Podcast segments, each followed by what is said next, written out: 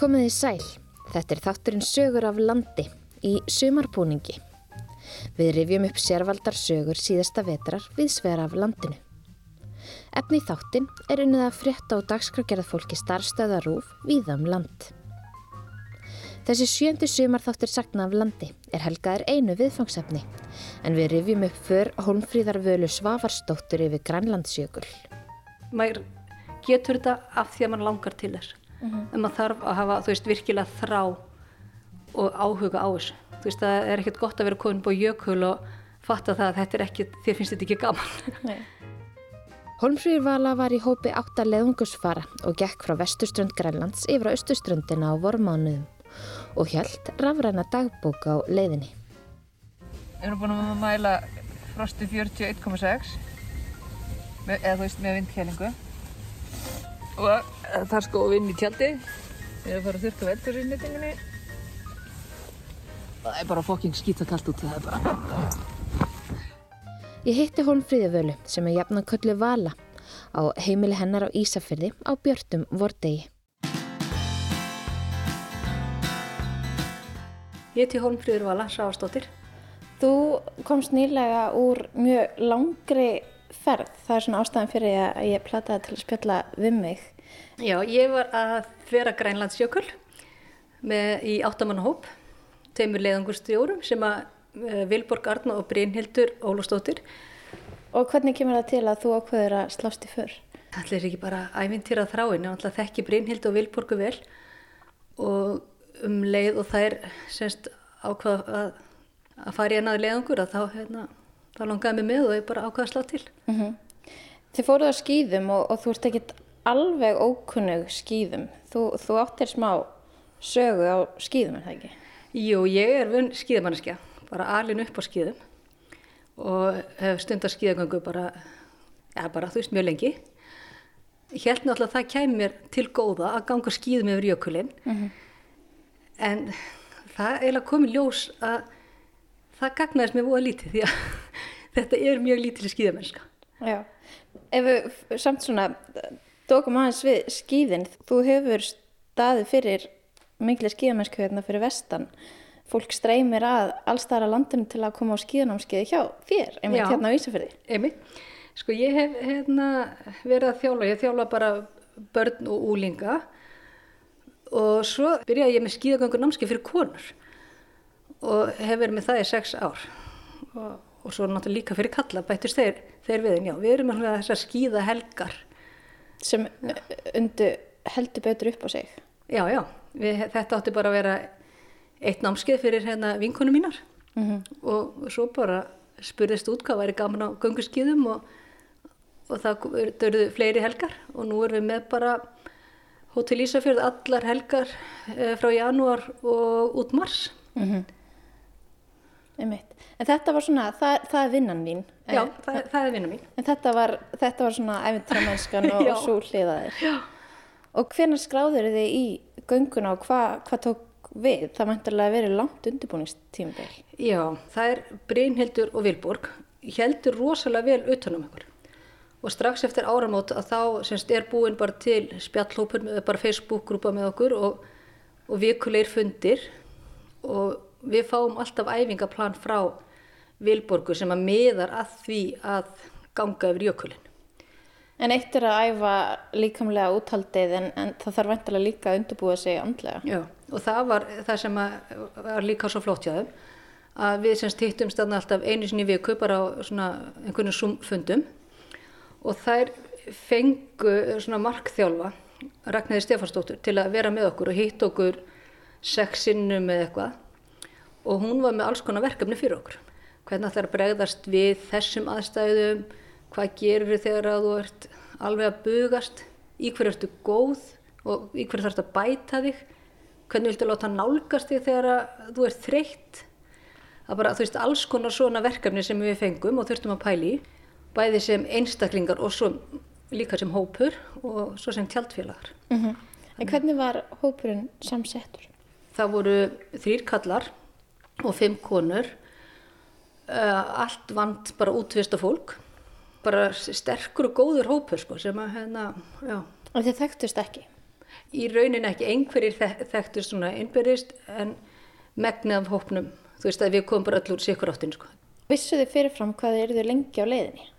Sko, svona ferðaplani var 25 dagar, maks 28 og við vorum með mat í 28 daga og ég sagði alltaf sko þegar ég var spurð hvað er það lengi og þá sagði ég alltaf já, svona 23, 4 ég er með mat í 28 daga en ég ætla ekki að borða hann allan af því ég ætlaði ekki að vera svona lengi þannig að já, við, þú veist það var búið áætla svona tímalengdina Hvernig lögðu þið svo í? Við fórum fyrir á Íslandi 13. apríl sem er miðugudagur í Dimbilviku. Þá fljúum við til Núk og þaðan til Kangerlúsvak og þaðan er okkur kyrt á förstu deginum langa upp að jökli og þá löpum við að stað.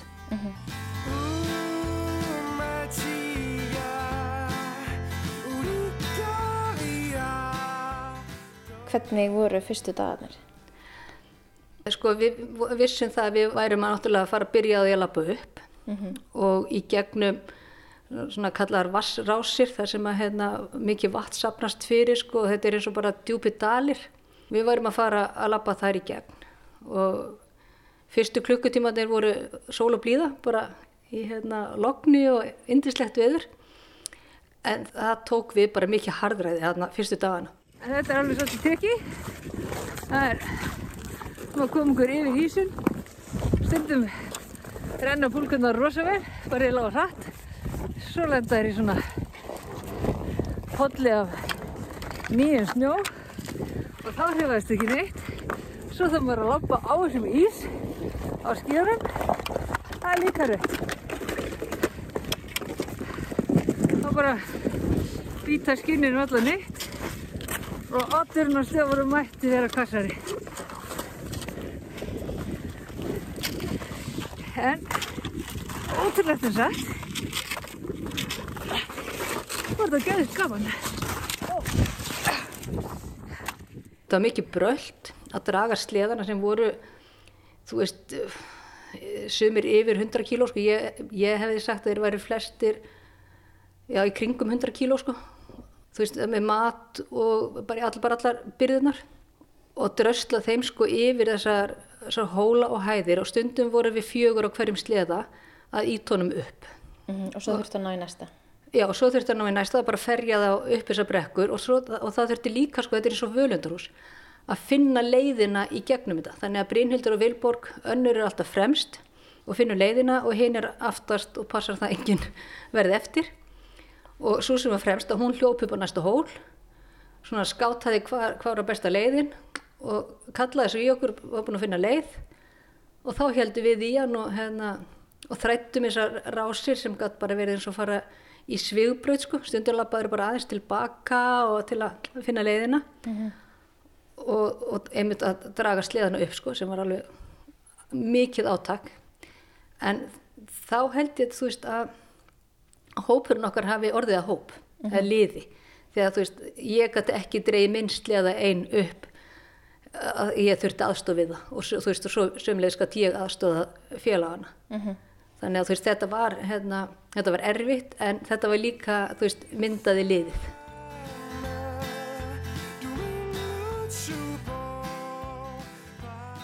Já, þetta var alveg brekka, sérstaklega ein mjög lengt brekka sem við tókum á skíðunum. Eftir hana fórum við af, fórum bara á brotana. Og komum í náttstað. Það var svolítið bras að finna sér. Nátt, eða þú veist hérna, náttstað því að þetta er allt einhverju litli dalir og, og skorur sem við erum að þræða.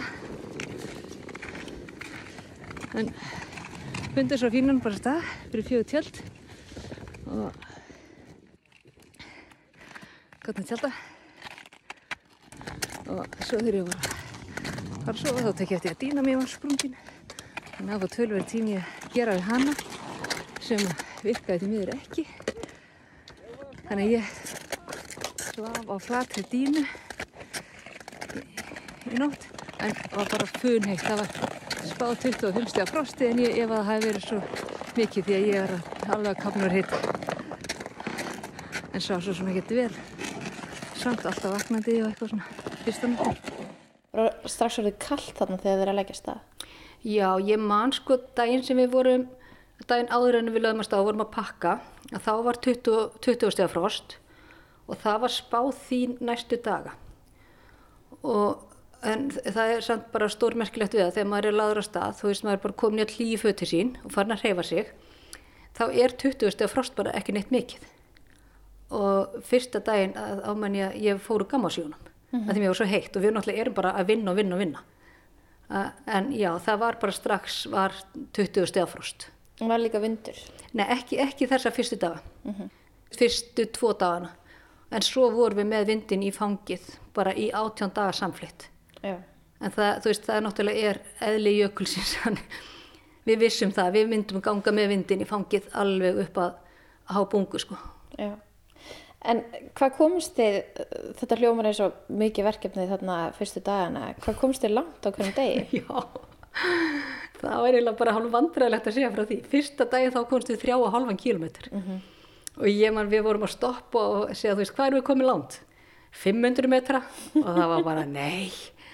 Þá hefum við bara, þetta er alltaf, gengur allt og hægt en þú veist við vissum það að þetta var tímabil, þú veist að þegar við kemist út úr þessu þá færum við að ganga hraðar. En maður var svona að hugsa byrju, já hvað eru þrýr kílometrar, það er bara, þú veist, heiman að út í bónus eða eitthvað, þú veist, bara er ég búin að taka heila dag að lappa út í bónus. Þannig manni fannst þetta eh, svona ekki gott dagsverk. En miða við, þú veist, bara það sem við þurftum að gera, þá fórum alveg, það var ágættur ræði okkur. Já, þú tekur sjálfnast með þér 100 kíló að sleða út í bónus. Nei, nákvæmlega sko en, hérna, en svo, þú veist, næsta dag þá fórum við 5 kilometra og þannig, þú veist, það fór alltaf svona aðeins að sléttast úr, þú veist, fyrsti dagurum var stremnastur og þá vorum við líka að ganga á alveg blá ís og bara sleðarnir áttu öll með að renna til og velta og við fórum bara fljótlega úr uh, brottunum, semst við byrjuðum á skíðunum settum undir okkur skinnin og hérna löpuðum bara upp og svo sáum við bara fljótlega að þetta var það mikill ís að við vorum bara brottum í, vorum brottum í þrjá daga held ég. og, og þá fórum við að þú veist að komast í almennlegan snjó. Já. Og nú sem skoðan haftartími, við erum á tjálstæði fjögur, frýtt inn hérna. Og sennilega vegna þess að þetta er ekki gott tjálstæði, það er svo mjúkur snjór. Það er svo salt, tjálta í salt bunga. Svona duft kendur. Já, er svona duft.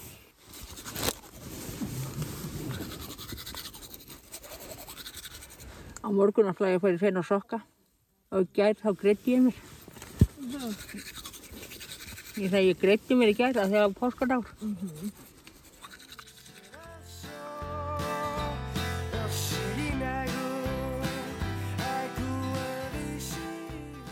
Það hefur þá verið ákveðin léttir að komast upp í snjó.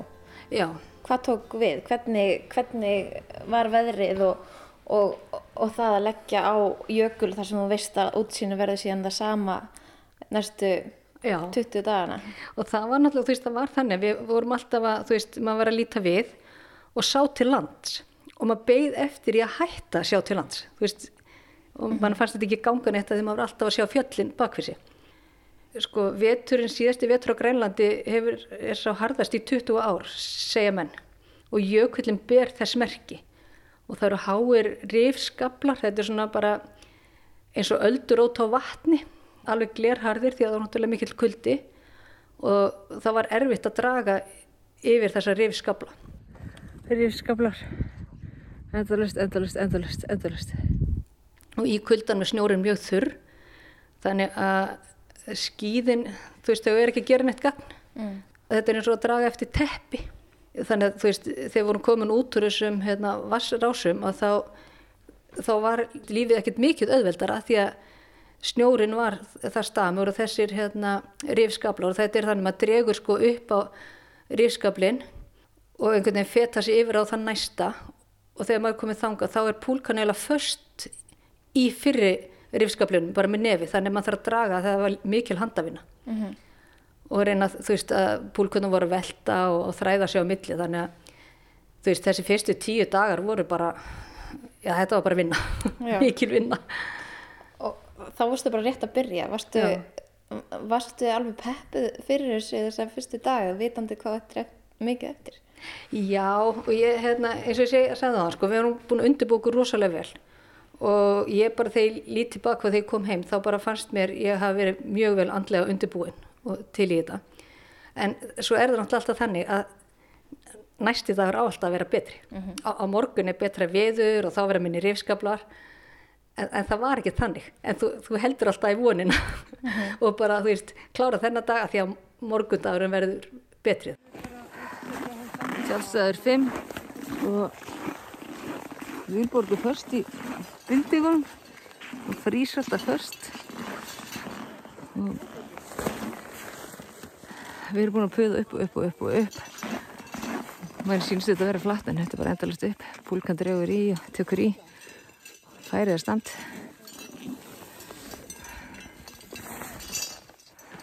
nú fyrir við bara að tjálta. Búin ykkur í átinn En hvernig við voru dagarnir? Þarna er þið að bastla þarna fyrstu dagana, en hvernig voru það að fara á fætur og, og hvernig eh, miðaði deginum áfram? Er nú þannig, þú veist, ef maður fer í svona langarleðangur að þá byggir maður sér bara hægt og rólega upp. Að, þú veist, fyrst dagana þá voru við að fara á fætur sjö og fengum svona rúman tíma til að hérna, koma okkur af stað út í daginn og svo bara eftir sem líður á leðangun þá vöknum við fyrr og hérna, höfum minni tíma til að græja okkur á mótnana, höfum bara að vera komin í rútínu og svona þegar allt var komið í rútínu þá vorum við að vakna sex á mótnana og við tekum bara að hérna, hitta vatn fyrir daginn og svo fyrir hérna bara fella tjaldið og setja á púlkunnar og löpum að stakla á nýju og svo er bara lappað yfir daginn og við vorum að lappa fyrst í klukkutíma og svo voru lótunar orðnar tveir tímar. Og það er svona 20 minna pásur á milli, svona 15 kannski. Mann er kannski ekki að hafa þær oflangar og svo er bara að lappa til 6-7 og þá tekur bara við vinna, það er bara að tjalda koma sér fyrir. Og það er að tjalda alltaf almennilega, þú veist það er að mók við skarir og staga vel því að maður vill ekki vakna með á nóttu þurfa að fara út og laga tjaldið. Og svo er bara að bræða snjó. Og það er alveg súper mikil vinna. Og ég hef mitt konstað því að þú veist mikil snjór er rosalega lítið vatn. Já. fullur ketill af, af snjó er 1 desilítur þannig að það tók bara þú veist allt kvöldið að bræða snjó til þess að nota daginn eftir. Og það er líka mikilvægt þú veist að gera þetta um kvöldið því að við setjum bræðum snjóin, hittum í hérna flöskur sem við setjum svona í sveppókana svona eins og hitapóka og það, þú veist, þær eru rosa dýrmættar í þessum kulda. Ég er að gera, gera. Hittaflöskur fyrir kvöldi. Dagur 11 og gengum í algjöru væt átti. En gekk samt vel. Náðum 20 kílómetrum. Var það ekki? Jú. 20 kílómetrum, rúmlega. Og hvað gengur í sjö lótum? Sjö- Sjö lótum. Hver lóta er klukkutími. Þá er stutt pása. Fengið sér að drekka og smá harfisk og næru. Svo leggjum við að staða aftur. Svo, svo eftir þriðju lótu þá er hátegismatur. Er það ekki? Jú. Nú. Það er áfram. Brynhildur og Vilborg skiptast á að leiða. Leiða okkur inn í eilíðina. Í hvítu kófi. Við göngum í halaró eftir. Þetta var bara veist, fullur vinnudagur. Og svo, þú veist, ræs klón 6 daginn eftir, þannig að þá vildi maður vera komin í háttum klón 10 og þú veist, við vorum rosa af því bara, þú veist, hvað er klukkan? Hún er tvær mínútur í hún er tvær mínútur yfir, það bara loka auðan klón 10 því að líka minn virka náttúrulega ekki á hann fær ekki svefn.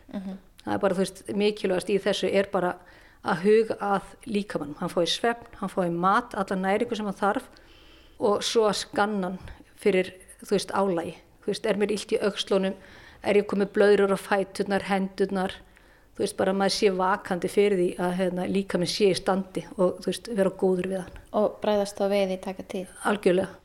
Hvað er þetta með steini? Herru, vesturska lúðu, spikfeita, hún er svo, er svo djúsi að maður, mað, ég þarf ekki að drekka þessu stoppi, ég fæ alltaf fyttu bara sem vatn. Og svo bara berðu þetta fram í andlit og Og til olíu. skakkið, eins og, það er, glansaði ekki vel. Og djöðlega góð ríkt. Það það er enginn að fara að kúra hjá mig nema hemmi, hann þólar þetta. En hvernig, hvernig var standið á hópnum? Hvernig, hvernig var spjöruðið ykkur líkamlega? Já, ég myndi bara segja yfir allt að þá var hann mjög, bara mjög gott stand. Auðvitað fengu, þú veist, það komu hérna, hælsæri og verkir í hásinni eða eitthvað svona, um, kalsár, en bara, þú veist, yfir allt að þá held ég allir hafi komið bara mjög vel líkamlega út úr þessu. Það er snjókoma úti og algjört vætátt sem svo sem ekki nýtt úr okkur. Búið að vera þannig svolítið lengi. Veðurspáin er hefleitt svo sama. Hún er sennilega bara með sjálfvirt svar hjá sér. Og hérna, veðmaðurinn. Ég var að líma skinni mín og kemur hérna inn á mér. Við erum að vera með tíu dagar væt átt og við erum að vera næstu tíu dagar sól. Og við erum búin að panta sér sól. Ég er búin að senda og spyrja. Já, e, og panta eða ekki? Já, bara... Hún sagði að það hefði bara verið svo gott tilbúið núna. Ó, Það veit þetta. ok. eh, Þetta hljómar einhvern veginn svo rosalega stór áskorun. Af hverju, af hverju langar mann í svona ferð? Ég, ég, sko, hérna, það er náttúrulega bara, held ég, ekkert svar við þessu, sko. Að því að maður getur það, að því að maður hefur tök á því. Þú veist, mér finnst þetta rosa mikil forréttindi. Að hafa tíma í þetta, að hafa heilsu í þetta. Og ég held, þú veist, að ef, ef maður ætlar að gera þetta, þú veist, maður getur þetta af því að maður langar til þess. En maður þarf að hafa, þú veist, virkilega þrá og áhuga á þessu. Þú veist, það er ekkert gott að vera komin búið jökul og fatta það að þetta er ekki, þér finnst þetta ekki gaman. Ég veit ekki hvað maður fer í svona, en ég held þetta sé bara, þú veist, þetta er það sem maður lifi fyrir, þetta er alveg, þetta er gaman, þó þetta sé erfitt, sko. Já. En hvernig leið dagurinn eins og bara fyrir þig andlega? Hvað varst að hugsa? Hvernig fórstu gegnum daginn? Já, ég, hérna, fyrstu dagana að þá þurfti ég rosalega mikið að tala við sjálfa mig, bara segja mér, þú veist, bara hvað var að gerast þarna, ég var mjög upptekinn af, þú veist, þessari upplifun og mér langaði helst að vera með, sko, bara upptökutæki og tala stanslöst og segja hvað var að gerast. Ég náttúrulega talaði líka mikið við fólkið mitt, bara í hugunum, ég var að segja þeim hvernig þetta væri og hvernig mér liði og allt það, þannig að þú veist, ég, ta ég tala mjög mikið sjálf á mig. Og svo náttúrulega þú veist er maður bara uh, já, reyna að koma sér áfram og svo er maður að syngja sko í hausnum. Við vorum uh, mörg, við vorum öll með eitthvað í eironum, þú veist einhverja hljóðbóka tónlist. Og svona eftir hádegi stundum þá sett ég eitthvað í eironum var að hlusta á tónlist eða sögu. En það var bara rosalega gott að vera ekki með neitt, þú veist, vera bara þetta er svo mikið núvitund. Og þú veist, það er bara engar áhyggjur. Þú veit ekki, þú veist, það er eina sem þú þarft að hugsa um bara hvaða, þú veist, kvöldmáttu kemur upp úr kassanum hjá mér í kvöld. En dagurinn leið mjög hratt. Þessar lótur sko sem voru frá klukkutíma upp í tvo þær voru mjög fljótar að líða þannig að þú veist, þegar dagurinn var búinn að þá er svona bara, ah, þú veist með vantar fleiri klukkutíma, við erum ekki komin á langt Já. En það lengdust veðalengdirnar dag frá degi. Já, já, þær, þær gerðu það. En svo, þú veist, sumadaga stýttist þær á móti, sko. Og Hvernig fór veðrið með ykkur? við bara, í heildina lendum við mjög erfiðu veðri. Og Vilborg, að hún fullir í það, sko, að það, hún hafi aldrei verið í leiðungri sem hafi átt, já, fáa, hérna góða við þetta. Við lendum mikið í blið, snjóblindu, hvítablindu, eða ég tíu hvað að kalla. Og það er bara, þú veist, eins og þær segja að ganga í mjólkuglasi og þá þarftu bara, og gengur bara eftir áttavita. Og setur bara, þú veist, horfir bara niður í snjóin eða niður áttavitan og það, það er engin mið, þú sér ekkert mun á himni eða jörð. Og það er bara að hérna, koma sér áfram. Og þá, þá komast við rosalega hægt yfir. Þá, þú veist, það er náttúrulega að passa að, hérna, að vera á slóðinni. Eh, Maður náttúrulega vandist kuldanum en þegar maður lítið tilbaka þá var alltaf mjög kalt. Það var aldrei undir, þú veist, ég maður tvisvar eftir að það hefur verið undir 20 gráð. Og annars skiptið var, þá voru 14 gráður og það var í klukkutíma. Já. og þú veist, og svo að því að vindkælingin er svo mikil. Svo eru komnir, þú veist, 20 á, hérna, mínus 20 á mælin, en þá er það orðið 30 sko í vindkælingunni. Við erum búin að mæla frosti 41,6 með- eða þú veist með vindkælingu og það er sko vinn í tjaldi við erum að fara að þurrka veldgóðsýrnýtingunni það er bara fokking skýta kallt út það er bara Hvernig voru næturnar? Ein nóttin var 30, mínus 35 en við erum náttúrulega, þú veist, maður veit alltaf á því að það er kallt á nóttunni. Og maður bara undibýr sér vel og þú veist, maður er með hérna góðar eh, dýnur, gott undirlag. Sveppókin er, þú veist, þykkur og góður. Ég var með, til dæmis með sveppóka og svona flýspóka inn í honum. Og svo er maður með þessar hitaflöskur. Og þú veist, þessar nætur sem voru hvað kaldastar að þá man ég að þú veist að ég vaknaði bara svona í svit og kófa því ég var búin að búa mér svo vel sko, þú veist, í, í öllar nærfötum og, og með þessar hitaflöskur. Já. og svona er hitt inn í tjaldinu sko. En hvað gerir maður ef, ef, ef dínan mann springur? Já, á fyrsta degi. Já, dýna mín sprakk á bara fyrsta kvöldið og það var alveg stórt gat. Ég gæti gert við gatið en hérna það er sennilega verið annað gat þannig að ég var með bara flata dínu alla ferðina. En þú veist það kom bara ekkert að sök því að ég, ég með fröð, fröðdínu líka undir. Og svo náttúrulega þú veist það er tjald og það er þetta bettingsfröðdínan og svo er dún inn í dínunni og svo lagði ég alltaf dúnbuksutum mínar undir og bara þú veist þau föt sem ég átti ágangs og einangraði. Þannig að þú veist það var þá ekkert nema að því að það var hart. En þú veist það, það var, kuldi var ekki vandamáli í því sko. En það hjælt bara áfram að vera kallt. Eh, hvernig, hvernig fer kuldin með til dæmis þessi svæði sem þú nærði ekki alltaf að hilja eins og þú þarft að nota fingurnar og þú, þú ert með andliti berskjaldar. Mm. Þurfum við ekki sérstaklega að hlú að þessum? Jú, ef við byrjum bara á tánum, skórnir eru náttúrulega bara kaldir eftir nóttina og þá, þá hitum við vatnið fyrir, ég er búin að hita mér hérna, vatn fyrir daginn og ég set þá onni í skóna til að hita þá eins upp. Þannig ekki með smá hiti í skóna og hérna, og svo erum við með skóhlífar yfir skónum og ég held að þú veist við gengum bara flesta daga í þeim. Og svo náttúrulega þú veist eins og með fingurnar að það bara maður tekur, má aldrei grípa í, í átnið og þú veist vera með berar hendur maður alltaf með bara þunna fingravellinga til að aðtapna sig út að borða nestið eða fara að sækja þér dót eða eitthvað. En ég semst klikkaði samt á því því að ég hef gripið sannlega í karabínu eða eitthvað og fekk kala á tvo putta bara vænar blöður og, og eins fekk ég þú veist kala á tætnar sem að hérna kom bara einhvern daginn, ég fór í kaldaskó og náði ekki að hitta mér upp. Og, en þú veist þetta þarf virkilega að passa vel sko, svo vorum við flest með hérna hvað heitir þetta svona handwarmers.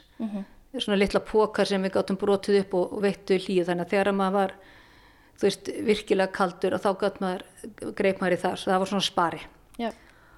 og, og svo hvað var þar andlitið að þá þarf maður einmitt sérstaklega að passa það bara nefið og kynnaðar við vorum með svona kuldaplástur sem við notum mikið og svo bara lampúsettur þú veist upp fyrir nef eða buff og glerun maður má ekki vanrækja þetta sko því að bæði náttúrulega vill maður koma fallega tilbaka og ekki vera að bera þess merki alla æfi hafa gengið hann yfir. En svo líka þú veist ef að koma sár þá getur komið sýkingar og þá getur bara leðungurinn verið búinn Já. og það er, þú veist, þegar maður fær einhver sár, hvort sem það er hérna, hælsæri eða hvað sem er, þá þarf maður að huga rosalega vel að þessu Þú veist, að halda þessu hreinu, þurru og svona miklu meira heldur en að maður væri bara heima hjá sér.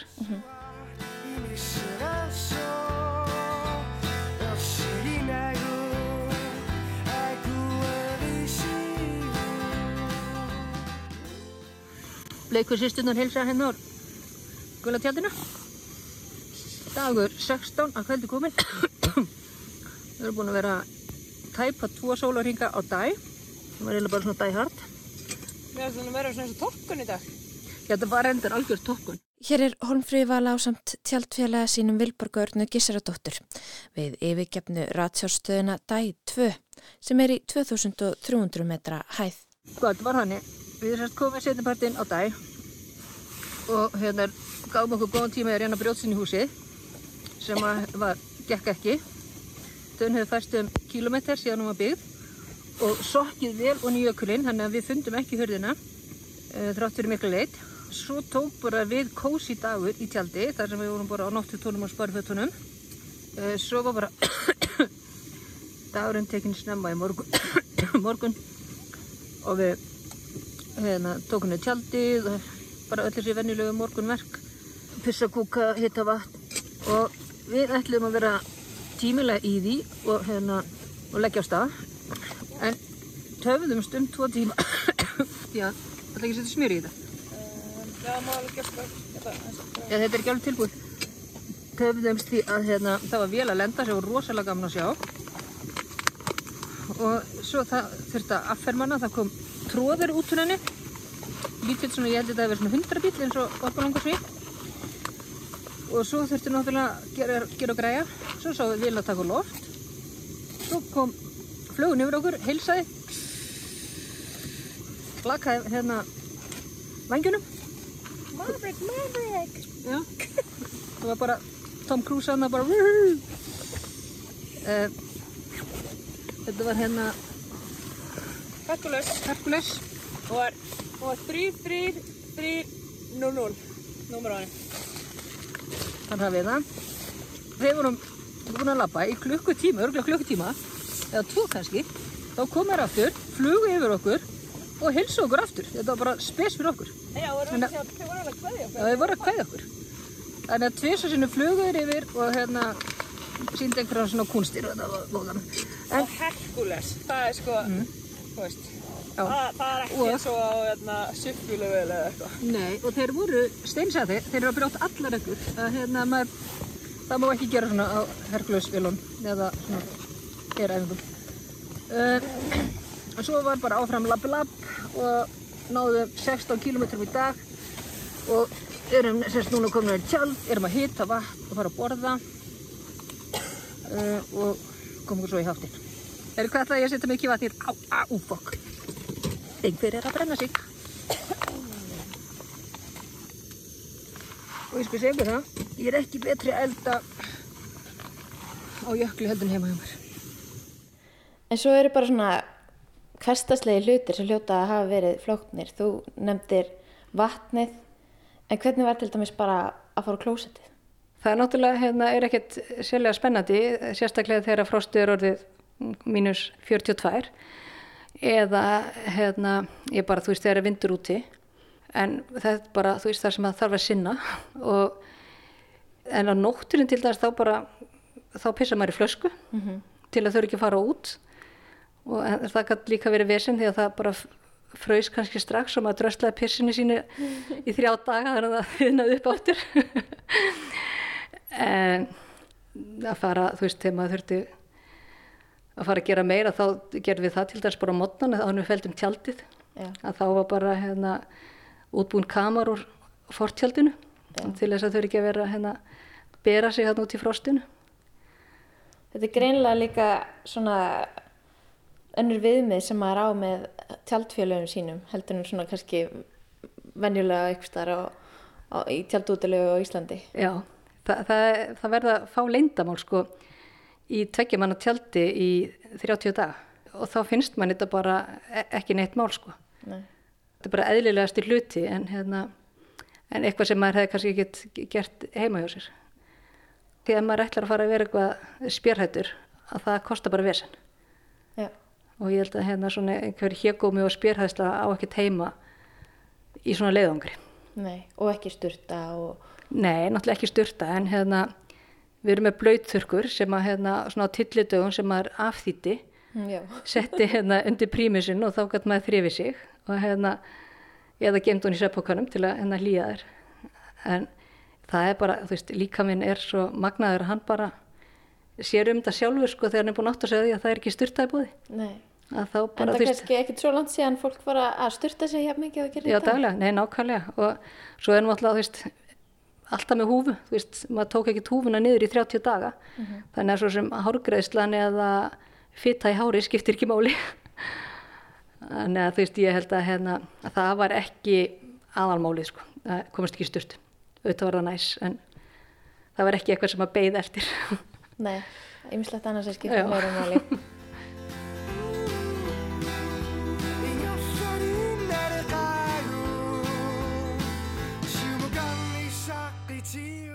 Ef þið eru með allan hennan búnað og hennan nútíma búnað, nú þekkir fólk orðið meira og meira til dæmis einhverjar frásagnir af fólki sem var að fara á norðurslóðir, suðupólinn fyrir sko hundrað árum síðan. Fyrst þér ekki ótrúlegt eftir að hafa verið á þessum slóðum að hugsa til fólks fyrir svona löngu síðan? Jú, algjörlega. Og við náttúrulega maður er búin að einmitt lesa og hlusta á margar frásagnir og þú veist, ég held að við hefum aldrei komast að yfir með búnaðin sem að Nansen fór með þegar hann fór fyrstur að yfir að við hefum bara dáið fyrsta daginn sko að, þú veist, bæði hérna tjaldið og fötin, maturinn þú veist, sleðarnir og allt þetta þetta er bara, það er alveg magnað að hérna hvað var farið í margar og erfiðar ferðir á þessum tíma með hennan útbúnað sko Já. og við sjáum það oft sko hva, hvernig hérna, þetta hefði gengið hjá honum og hérna, hvað við varum heppin hvað, að vera svona vel útbúin sko. Já. En þið genguð í átjón daga á móti vindinum upp á hæsta punkt. Já, Hvernig var að ná hæsta punktinum? já, sko hérna, það var náttúrulega, við hérna vorum búin að býða eftir því, við vorum með svona uh, markmið, fyrst var að komast hérna náttúrulega í gegnum minna bláís, svo ætlið við að komast upp að hérna þessari ratsjárstöð sem er þarna og og þá vorum við búin með mestu hækkunna og þá átti að vera svona aðeins aflíðandi upp á hábungu og þá gáttu við að fara að renna okkur niður. Og það var náttúrulega gríðulegar áfangi að vera komin upp á hábungu en það var ekki hérna, það var ekki það sem við heldum eða það beið okkar ekki það sem við heldum að myndi býð okkar. Því að við bara heldum áfram að ganga upp í móti fannst okkur. Snjórin er svo þurr og er svo kaldur og þessi rifskablar gera það verkum að þér finnst þú alltaf vera að ganga upp í móti og ég man að þegar voru 35 km eftir af leiðangrinum 35 km eftir í mark þá var ég ennþá að tósa sliðan. Og ég hugsa bara, þú veist, er ég ennþá að ganga upp í móti? Þannig að hérna okkur svona mín upplifum var að þú veist, upp í 2500 metra hæð sem var hæðstu punktur og niður í 1300 metra þá var ég að ganga upp í móti. Þú veist, alveg, þá var ég alltaf að tósa púlkuna að því að það- út af þessum rifsköplum, alltaf að tósa tósaðu upp. Þetta er bara martröði hvers fjallgöngumanns. Já, og þetta var bara, þú veist, og við sáum alltaf, sko, þegar við getum að fara að renna okkur niður og sá í svona hillingum, taka skinnið undan, en það bara, það gerist ekki fyrir voru 30 kilometrar eftir. Nú er fyrstagurinn 13. Fyrstagurinn 13. og við þurfum að klára þetta fyrir veður og sunnudag sem á að koma inn á sunnudaginn. Já. Við eigum... Aðlega Júrasjön. Hvað eigum við eftir? Við eigum uh, 77 km. 77. 77, já, Þetta er hérna með hækkandi sól. Uh, hérna, Ég segi 80. Þegar við áttum 65 km eftir, þá ákvaðum við að klára þetta. Að, hérna, það var von á vondu veðri sem hefði tafið okkur upp á jökli í tvo daga, mikil snjókoma snjóblinda og við áttum eftir að ganga niður af jöklinum sem að hérna, í gegnum svona sprungusvæði.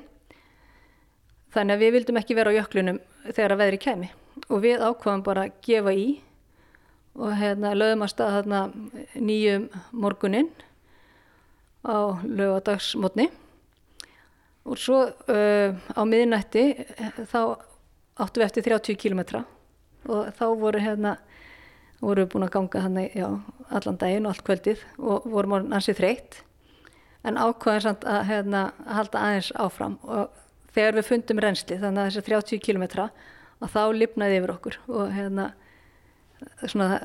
við sáum fram að við getum klárað þetta og við gengum alla nóttin inn í tunglskinnið og þetta það var alveg það var magnaði tími á ferðinni. Því að hérna auðvitað vorum við að flýja veðrið en við vorum þú veist þó að við hefum ekki verið að flýja veðrið þá hefði ég samt vilja að gera þetta því að geta þú veist að labba stað í hérna sólar uppbrás allan daginn, við, þú veist þegar við gengum að stað að þá hérna hekk skuggin á eftir okkur og svo bara hérna, teimtur skuggin okkur áfram, hann bara fór hringin í kringum okkur. Svo komið bara miðnætti og tunglskinn, við gengum alla nóttinu bara í geggi og það var reyndar mjög kvast. Og svo bara þegar vorum að klára þá var sólin að rísa aftur. Og, og þetta, þetta var svo magnað að upplifa þennan sólarhing á jöklinum. Já. Þess, þú veist þessi e, ljósaskipti, þú veist sólin að setjast og koma upp aftur að ég hefði, ég hefði alltaf viljað gera þetta svona þó ég hefði ekki verið að flýja veðrið.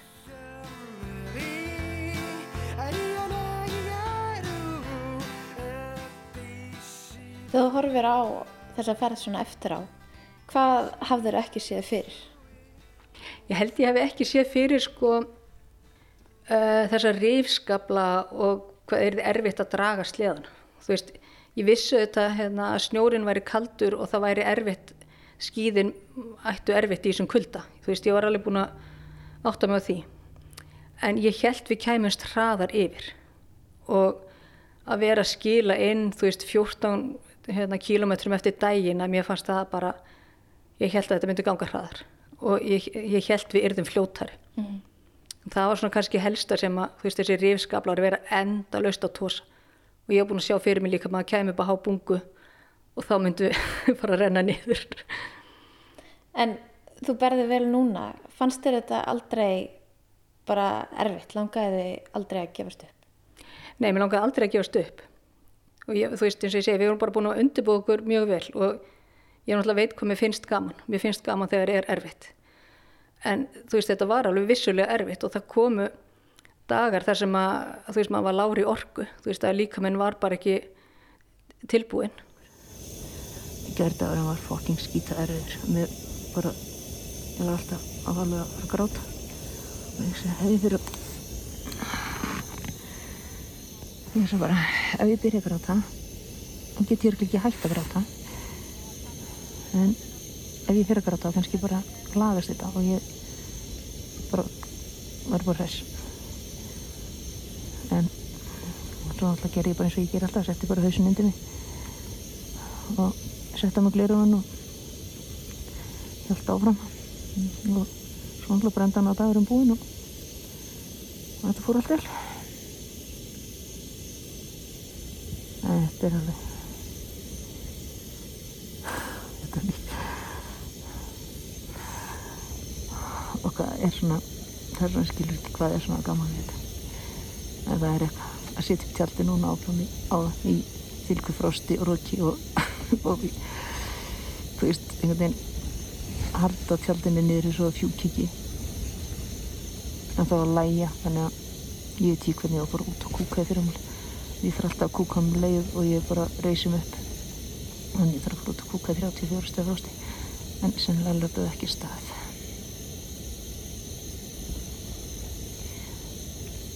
alveg, eins nefn á vennilega en ég vona orkan fara að lýsa hjá mér. Og það er svo leiðilegur þegar maður er orkulasa. Já, tímabili átti ég erfitt með að nærast og ég fann það alveg að þú veist, ég hefði þurft að borða meira en ég gerði. En, og þú veist, og það er, mann veit náttúrulega bara, þú veist, þetta er, er áttumann hópur og þetta er margir dagar, einhverjum tímanpunti eiga allir einhvern lágpunkt og við vorum alveg búin að undirbú okkur undir það.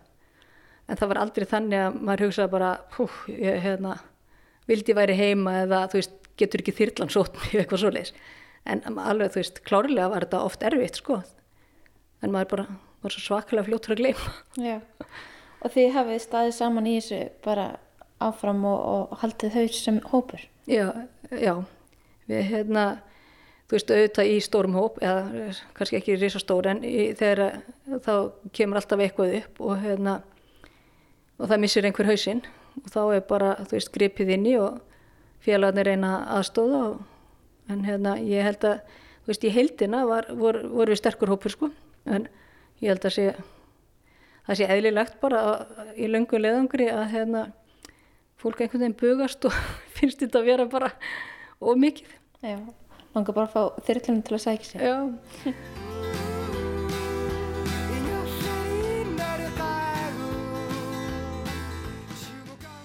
En svo þegar við vorum hérna áttum eftir 25 kilometra hérna í mark eða að jökulrótum og þá hérna þá hérna rekust við á íspjarnarspor það var náttúrulega skemmtileg sko við hérna Brynhildur hérna datt og við erum eitthvað, rennum okkur til hennar. Og þá liggur hún bara onni í íspjarnarsporum og ég sé bara hvað hva spor eru þetta? Og í fljótu bræði þá lítið út eins og bara skófur í stærð 48 og ég bara hvaða spor eru þetta? Og þar lág hún bara í íspjarnarslóðinni sem að hérna klárlega eftir mjög stóran bánsa sem var á leiðinu upp jökulinn og vonandi fyrir kannski svona tveimu dögum því að það var búið að skafa vel yfir þau en þau voru mjög stór. Þannig að hérna það var svona spes upplifin sko þú veist þá fór maður að kíkja í allar áttir. Sjá hvort hann væri nokkuð að fylgjast með okkur. Tók nýtt verkefni við. já þá hérna þá náttúrulega reyndum maður að halda sér nálagt bara hérna sleðan þar sem bissan var og hérna og svo bara leðum við komið á jöklinum að veist þá var tjaldað og svo var bara sett á íspjarnavaktir Ísbjörna, ísbjörnavöktinu komin upp á hæð, hæð sem ég hef ekki nefnt að lappa upp á því að það var alltaf bara allt í whiteout. En nú er ég komin hér og oh my god, hvað þetta er allt fallegt. Þið trúið ekki. Hverju úti þarna er bara engu líkt. Og landslæði, þetta er bara amazing. Hér er þessum svona að vera síðan á sundarsmorgun og, og sáum hvar við vorum þegar við komum en svo bara þyknaði upp og búið að vera svart og þoka síðan þá. átt að sækja okkur á bát en hérna, það var sem ekki hafís að það var ekki hægt að koma á bát þannig að við átt að koma að þyrla en þá var náttúrulega veðri skollið á þetta sem við vorum að flýja og þyrlan komst ekki þannig að við býðið tvo daga og þá stóðum við bara í spjarnavakt tveir í senn og hérna í tvo klukkutíma og hérna og svo sváum við bara þessa milli Já, og kvildum okkur. Hvað voru þetta síðan margir dagar og hvað voru þetta margir kílómetrar? Þetta var 31 dagur á skíðunum, eða semst á ferðalæginu, 570 kílometrar og semst upp í 2500 metra hæð. Þannig, já, þannig að þetta var alveg ansið gott ferðalag. Já. Og hvernig fannst þér að- að koma niður að þessu, þessu mikla leiðangra væri lóki? Já, ég eiginlega fann ekkert fyrir því fyrir ég var bara komin heim hinga til Ísafjörðar. Af því að þegar við komum niður á jökli þá vorum við ennþá bara að standa íspjarnavakt. Við vorum, hérna, ég var ekki komin í netsamband til dæmis, þú veist, ég var ekki komin í, ég gætt ringt í fjölskylduna svona stundum og stundum ekki, það var svona eitthvað stópilt samband hana og veist, maður var, var náttúrulega ennþá bara í tjaldinu sínu og þannig mér fannst ég bara ennþá verið í leiðangrunum. Svo, þú veist, svo fer, hérna, tök við þyrluna hérna til Tassilak og erum þar í tvær nætur. Þannig að þú veist, maður er ennþá að- finnst mér á ferðalæginu og það var ekki svona fyrir að ég var bara konn heim á Ísafjörðu þá fór ég svona og það er svona mikill söknuður þú veist, maður bara, maður langar aftur í þetta einfalda líf. Að þó þetta sé, þú veist eh, fólk er, þú veist, alltaf að spyrja var þetta ekki kalt og var þetta ekki erfitt en þetta er alveg rosalega einfalt og gott líf. Þetta bara, það er rútína þú ert þú ert bara hugsa sjálfum að þig þú veist, og auðvitað huga félagunum allt það sko, en þú veist bara, það er ró á huganum og já, þetta er bara, mér finnst þetta gott líf. Og það er alveg söknur þegar maður er komin og maður fyrir að skoða myndirnar og bara, ó, þetta var indislegt þó þetta verið kalt eða erfitt eða Þannig að þetta var ekki síðasti leiðangurinn þinn? Nei, ég vona að þetta sé ekki síðasta ferði mín sko. Alls ekki. Og ekki með þessum hóp því að hérna ég vona þessi hópur gerir eitthvað meira, hann er mjög flottur. Og, gó- og góði, sérstaklega góði fjörðafélagar.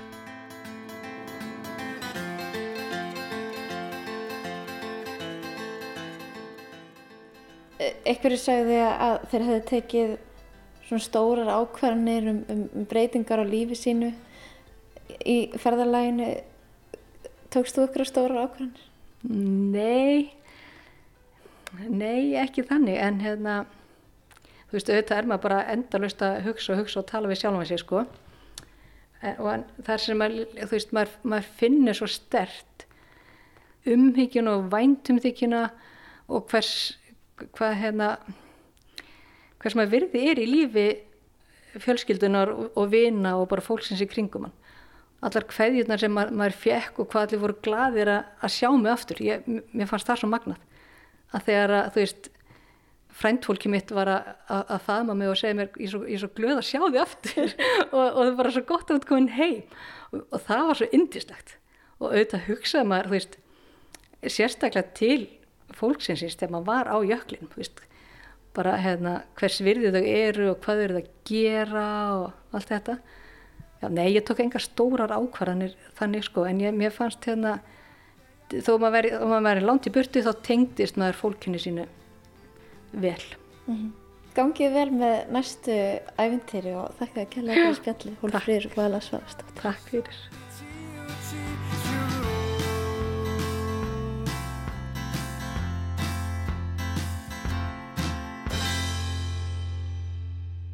Þarna heyrðum við ferðasögu grænlandsfarans Holmfríðar Völu Svavastóttur og brotur dagbók hennar á jöklinum.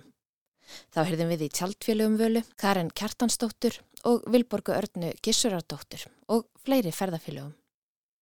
Lægið sem hljómaði undir er með grænlensku hljómsettinni Nanúk. En þá kom að lokum hjá okkur í sögum af landi í dag. Við þökkum þeim sem hlýtu og heyrumst aftur í næstu viku. Leifið heil!